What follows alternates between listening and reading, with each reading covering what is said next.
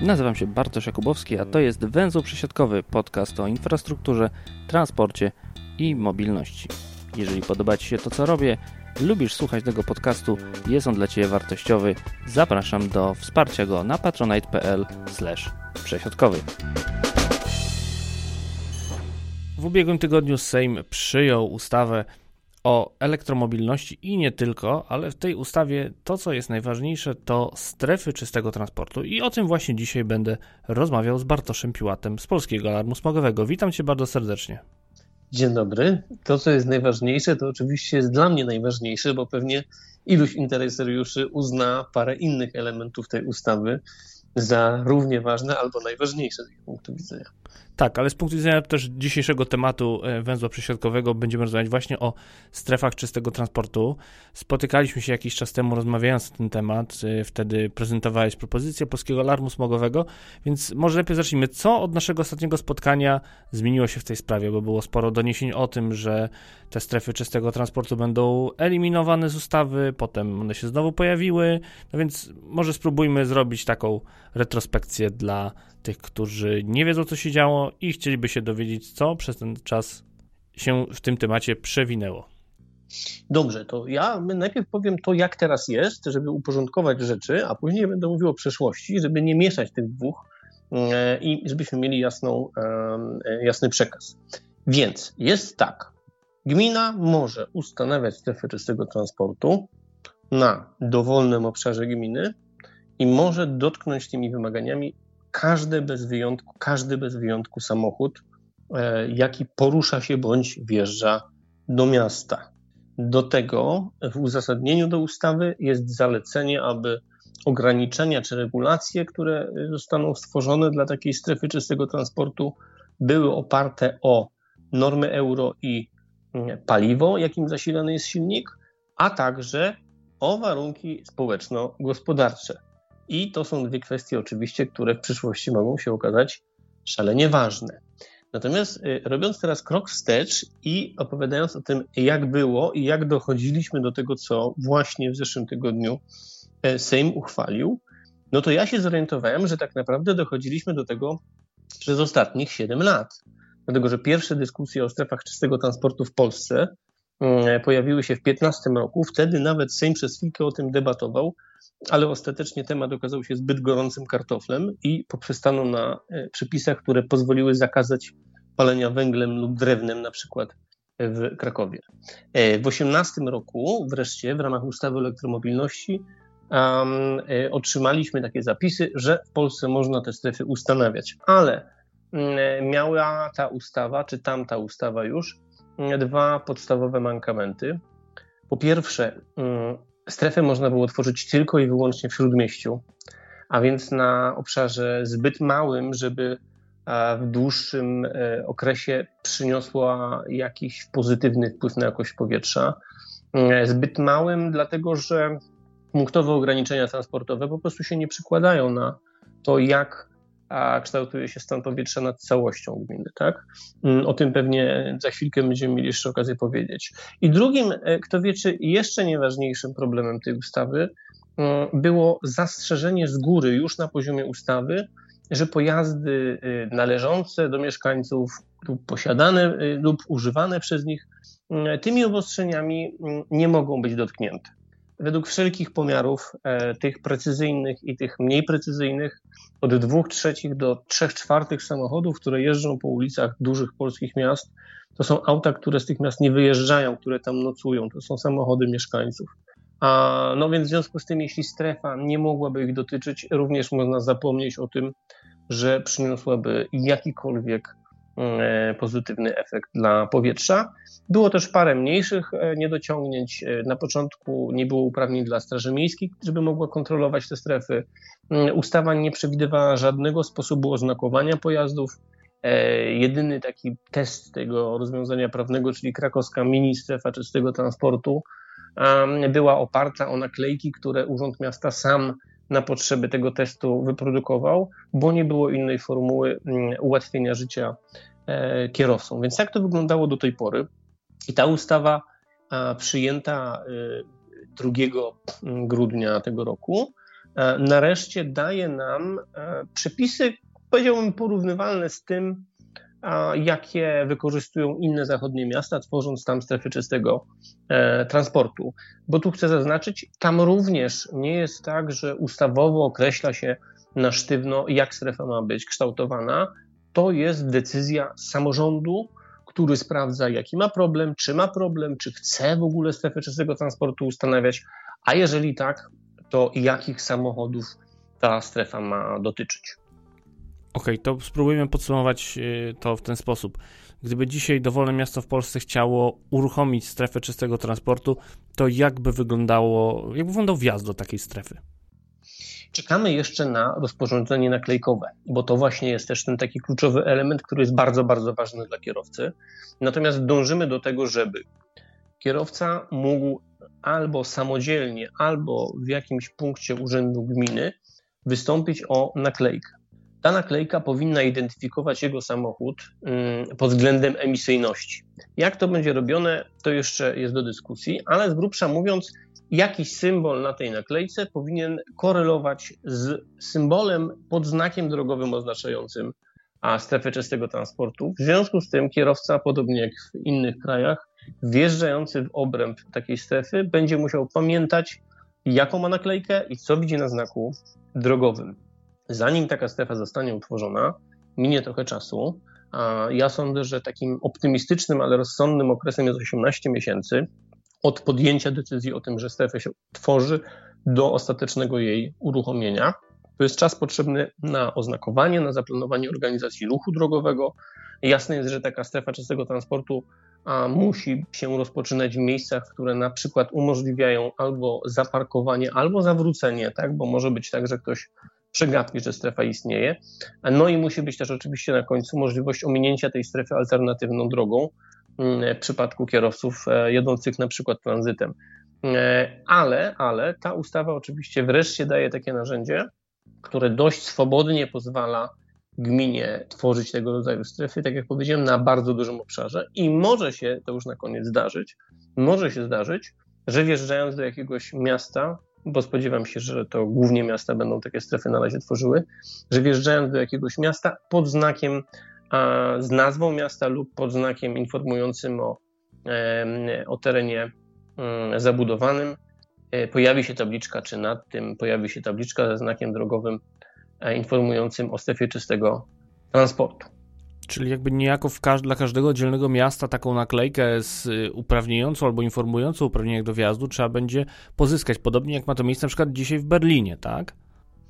Tak, przy czym właśnie rzecz, jest, e, rzecz polega na tym, żeby ta naklejka była uniwersalna, to znaczy, żeby na jej podstawie można było wjeżdżać do każdej strefy czystego transportu w Polsce.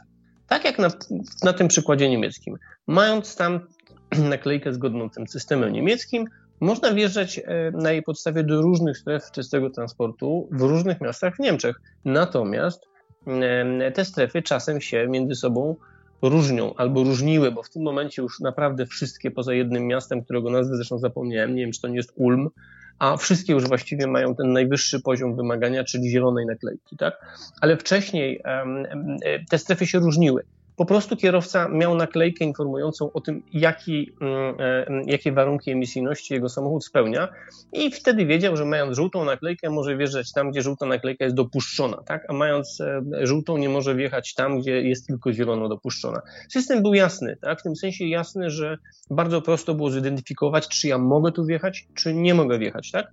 E, system oznaczenia był wspólny, natomiast wymagania dla stref przez długi okres były różne.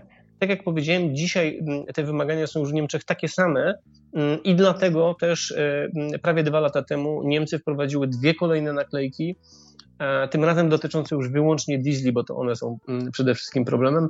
Dwie kolejne naklejki stawiające znowuż wyższe wymagania dla, dla samochodów i pokazujące pewną perspektywę. Chcielibyśmy, żeby w Polsce tak właśnie system wyglądał, a więc e, żeby były naklejki wspólne dla wszystkich stref czystego transportu w Polsce, ale też w związku z tym umożliwiające, e, umożliwiające tworzenie różnych zasad, ale według tej samej reguły.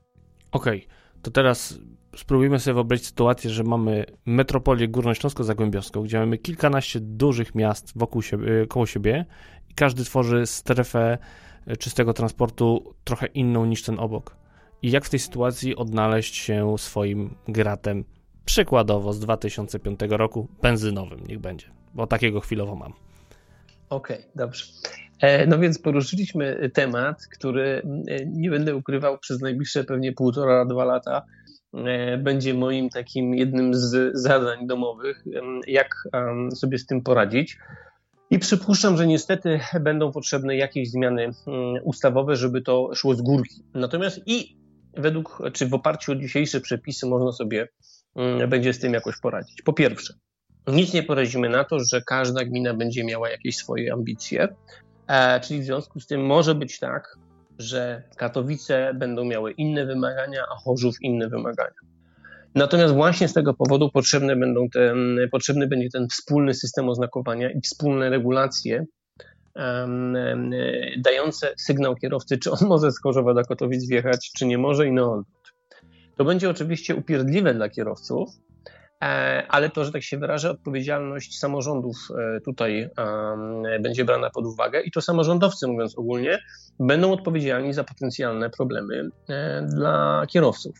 Ale od razu mówię, że nie sądzę, żeby tak się stało. Mm, w metropolii temat podjęła, podjęły władze właśnie mm, tworu, który się nazywa Metropolia mm, Śląsko-Dąbrowska i rzeczywiście wiem, że przymierzają się do stworzenia takiego wspólnego rozwiązania dla, dla chętnych na początku oczywiście gmin, tak żeby to było po prostu w ten sam sposób budowane nawet jeżeli, nawet jeżeli strefa czystego transportu na Śląsku, przepraszam, w aglomeracji śląskiej miałaby być na razie rozdrobniona. Że to jest możliwe, to od razu powiem, jest możliwe. W ten sposób, dokładnie w ten sposób działano w Zagłębiu Rury, gdzie początkowo każde z miast miało osobną, mniejszą strefę, one się rozrastały, w końcu zaczęły się przyklejać do siebie i wtedy okazało się, że trzeba uwspólnić wymagania. Doszło do tego właściwie w ciągu roku. Mm, miasta się ze sobą e, porozumiały i w tym momencie w Zagłębiu Rury obowiązują mm, takie same wymagania na obszarze właściwie wszystkich stref. Znaczna część tych stref jest ze sobą sklejona i tu uwaga, e, jeszcze drobna, nie ma innego obszaru w Europie niż aglomeracja śląsko-dąbrowska i Zagłębie Rury, w którym tego rodzaju wyzwanie mm, będzie problemem. Niektórzy powiedzą, że Holandia, czyli ten obszar e, Niderlandów między Rotterdamem a Amsterdamem może być podobnie traktowany. E, ale nie tam aż takich bliskich granic pomiędzy dużymi miastami nie ma.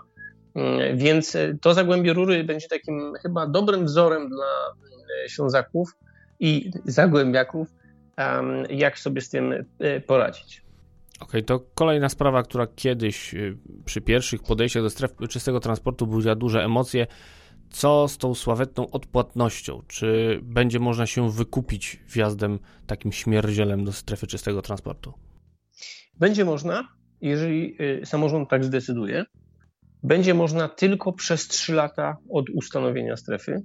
Mm, co ma sens, no bo oczywiście taka, y, takie wykupienie się z wymagań nie może trwać wiecznie, no bo godzilibyśmy się na to, że ktoś, kto ma bardzo dużo pieniędzy i nie ma z nimi co robić, tak to powiedzmy, mm, będzie po prostu jeździł czym chce, tak? Na to się nie godzimy. To nie jest strefa czystego transportu, nie jest strefą ekskluzywną dla osób bogatych, tylko strefą, która ma zapobiegać nadmiernej emisji spalin. Natomiast nie spodziewam się, żeby samorządy korzystały z tego w innej wersji niż abonamentowej, tak? bo mm, ustawa przewiduje dwa rodzaje pobierania opłat: abonamentową, właśnie czy ryczałtową, taką prostszą do wprowadzenia, no bo można będzie, nie wiem, wymyślić abonament na tydzień, miesiąc i rok, dajmy na to, i odpowiednio obłożyć to opłatami.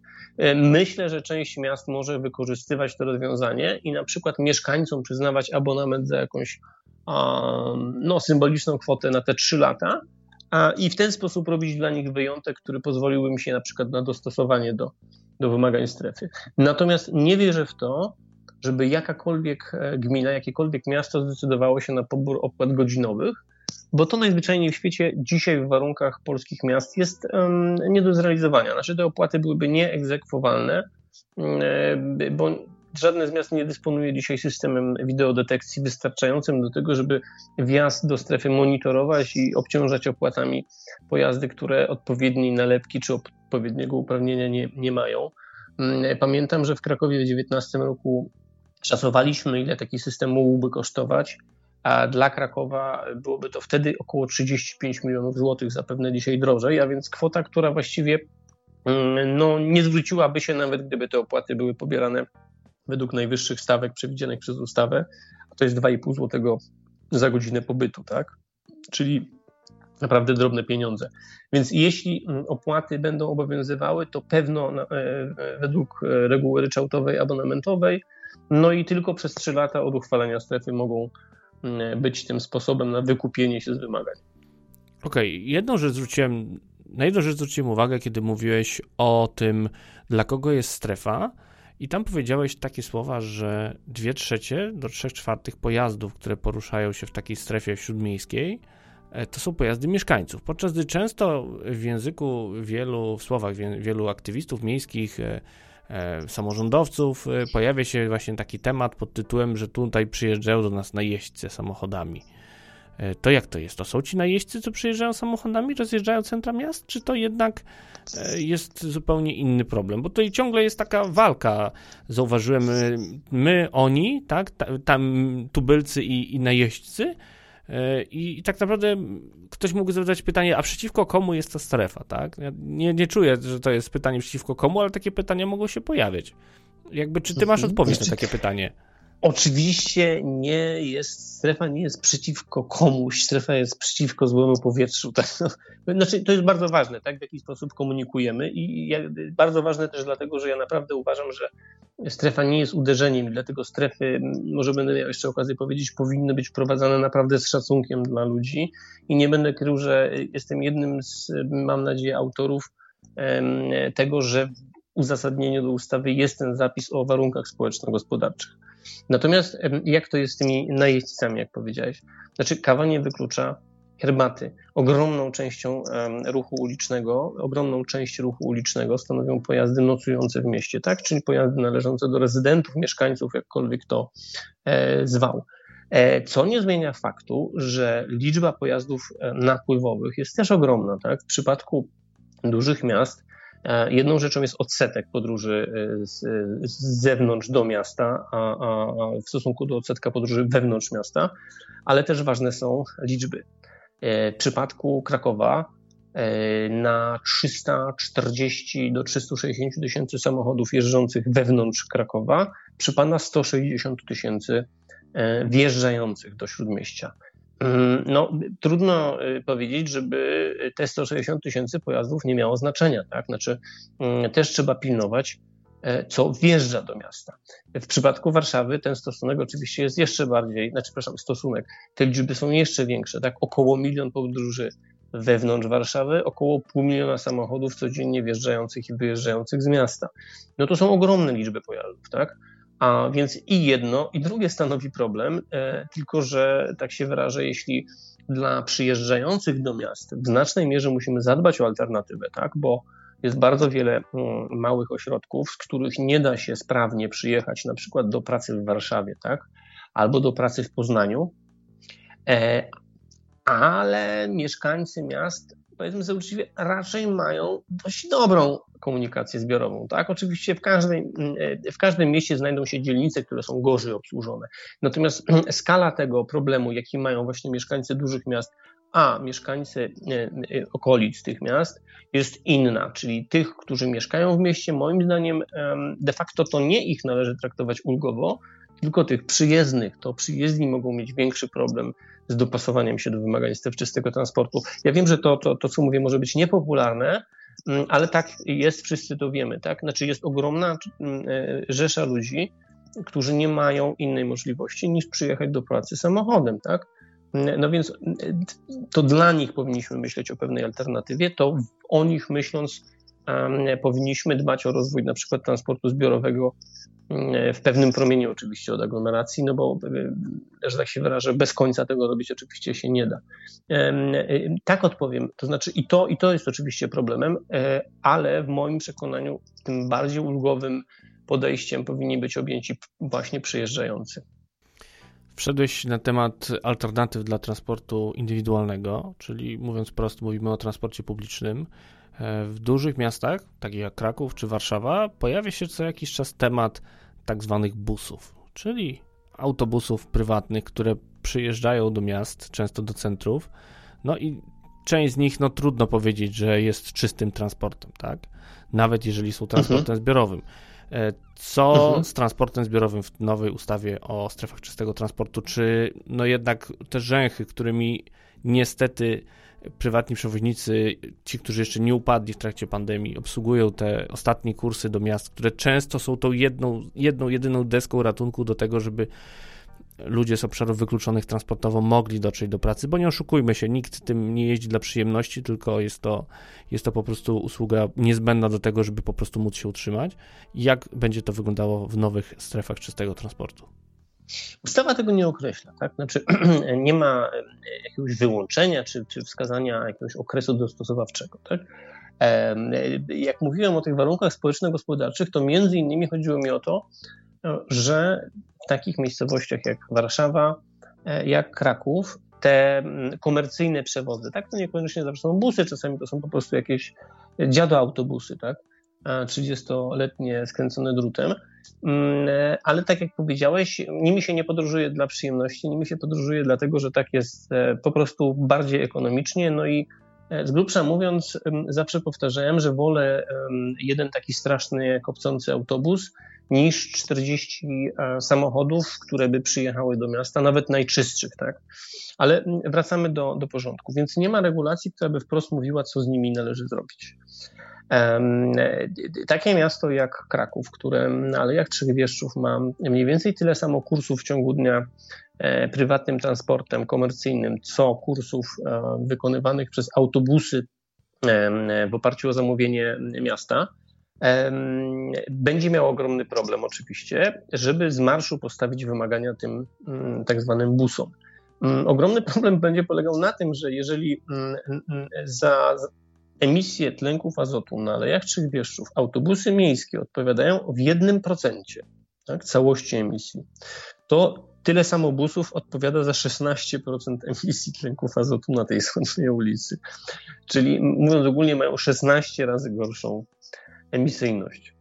E, z drugiej strony nie da się im powiedzieć dzisiaj, słuchajcie, koniec jeżdżenia mm, tymi pojazdami. Tak? Ci, ci przedsiębiorcy bardzo często, może najczęściej, chętnie by nie jeździli takimi złomami, a i być może kupili sobie nowszego busa, a najlepiej nowego busa, e, no ale w ich sytuacji biznesplan, że tak się wyrażę, rozpisany odpowiednio daleko, a więc rozpisany o czas trwania leasingu czy czas trwania kredytu, e, jest bardzo często niemożliwy. Tym ludziom, takie miasta jak Kraków czy Warszawa, będą musiały jakoś pomóc. Mam nadzieję, że państwo, a dokładniej to jakiś fundusz, na przykład Narodowy Fundusz Ochrony Środowiska i Gospodarki Wodnej, będzie pomagał, dlatego że no, komu jak komu, ale to właśnie tym ludziom warto w ten sposób pomóc, tak? bo oni, na tym, oni tymi pojazdami zarabiają. Tak?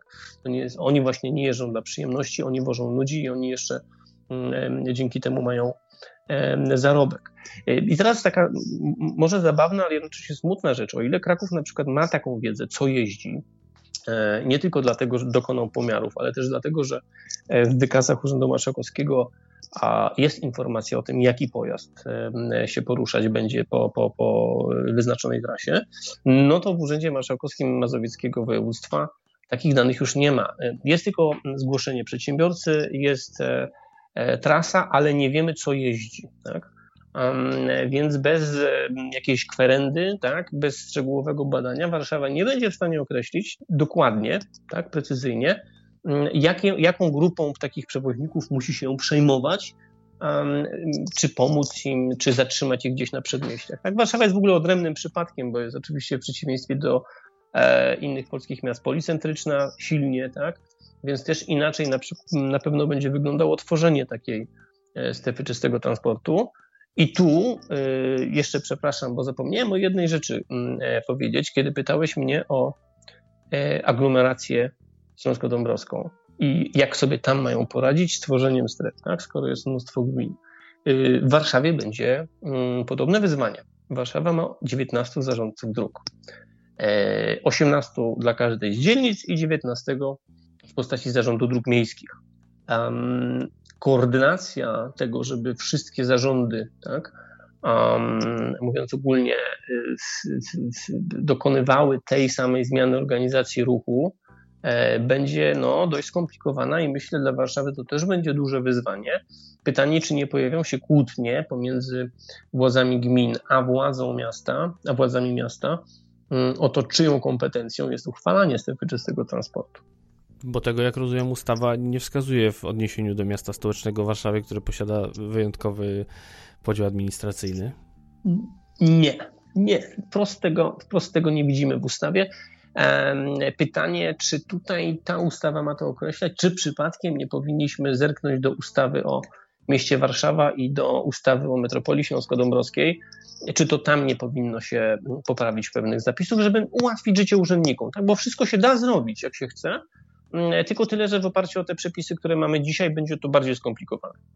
To jeszcze jedną rzecz się zapytam, bo poprzednio, tak naprawdę, gdy się spotykaliśmy, to Polski Alarm Smogowy jakby alarmował o tym, że proponowane przez rząd zapisy ustawy o elektromobilności dotyczące tych stref czystego transportu no były nieakceptowalne kompletnie ze strony społecznej.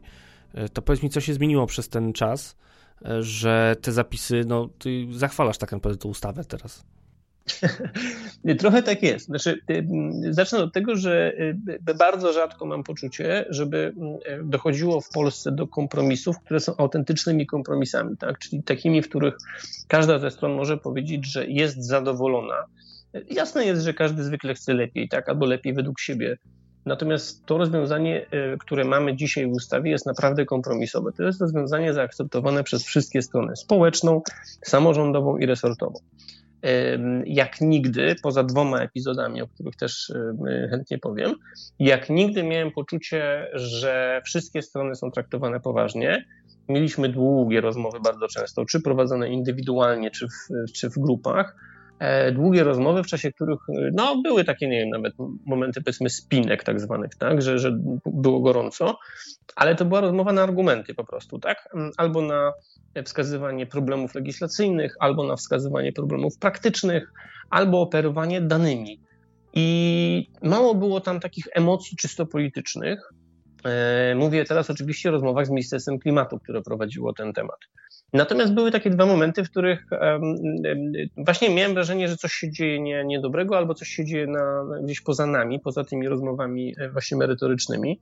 Mm, e, pierwszą sytuacją to było, kiedy mimo zgłaszanych przez nas uwag mm, i propozycji rozwiązań legislacyjnych, resort klimatu y, z nienacka właściwie mm, jesienią 19, mm, przepraszam, 20 roku przygotował projekt nowelizacji ustawy i właściwie miałem wrażenie, że z marszu zaraz to zrobią i się przeraziłem, bo ten projekt po prostu niczego na plus nie zmieniał. Tak? Dostalibyśmy niby znowelizowaną wersję, ale tak naprawdę nie dającą samorządom niczego y, efektywnego. Szybko się okazało najzwyczajniej w świecie, że przepływ dokumentów e, e, spowodował, że decydujący o tym, jak, jaki kształt będzie miała nowelizacja, w ogóle na nie nie zwrócił uwagi. A drugim momentem e, była późna wiosna, czy właściwie początek lata 2021, kiedy z nienacka wszystkie wynegocjowane zapisy po prostu wypadły, wypadły z, z projektu.